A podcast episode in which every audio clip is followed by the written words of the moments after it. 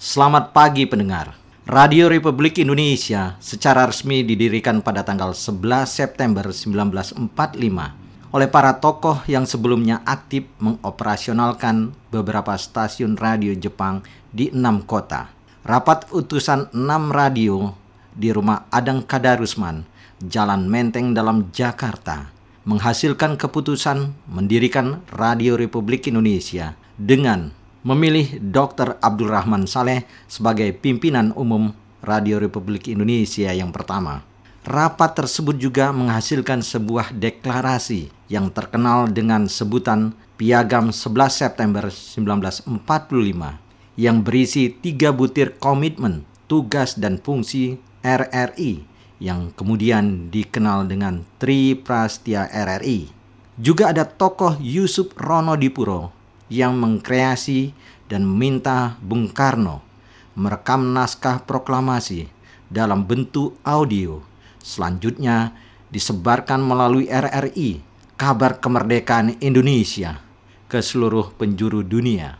Kemudian RRI mengalami metamorfosa. Diawali likuidasi Departemen Penerangan oleh pemerintah Presiden Abdurrahman Wahid pada tahun 2000 dijadikan momentum dari sebuah proses perubahan dari media pemerintah ke arah media publik dengan didasari peraturan pemerintah nomor 37 tahun 2000 yang ditandatangani Presiden Republik Indonesia tanggal 7 Juni 2000. Selanjutnya, status RRI menggeliat kembali sebagai lembaga penyiaran publik ditegaskan melalui PP nomor 11 dan 12 tahun 2005 yang merupakan penjabaran lebih lanjut dari Undang-Undang 32 tahun 2002.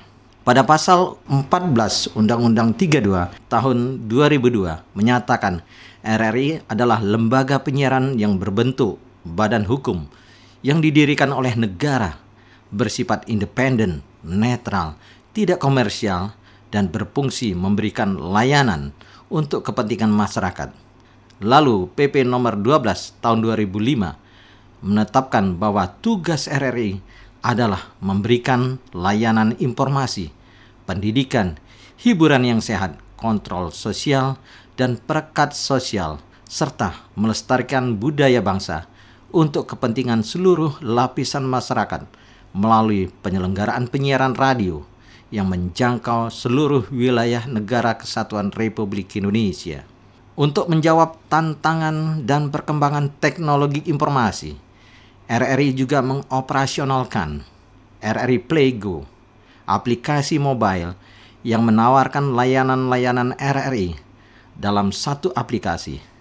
Di antaranya streaming seluruh stasiun RRI dan memuat portal berita Voice of Indonesia, Channel 5, RRI Radio, RRI Net, RRI Online, RRI 30 Detik, Jurnalisme Warga, dan Biang.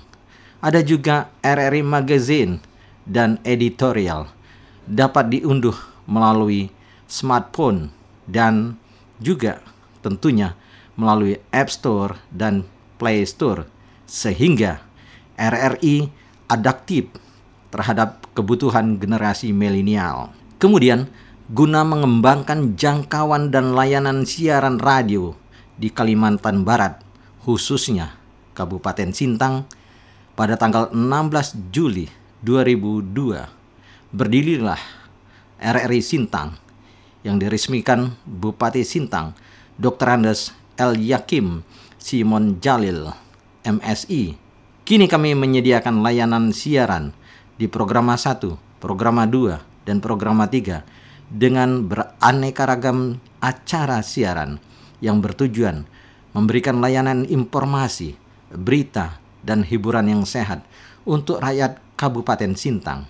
Pada hari ulang tahun ke-76, RRI Sintang melakukan berbagai kegiatan olahraga, kegiatan sosial dengan mengusung tema Tangguh, Tumbuh, Sehat, Kuat, Suarakan Indonesia.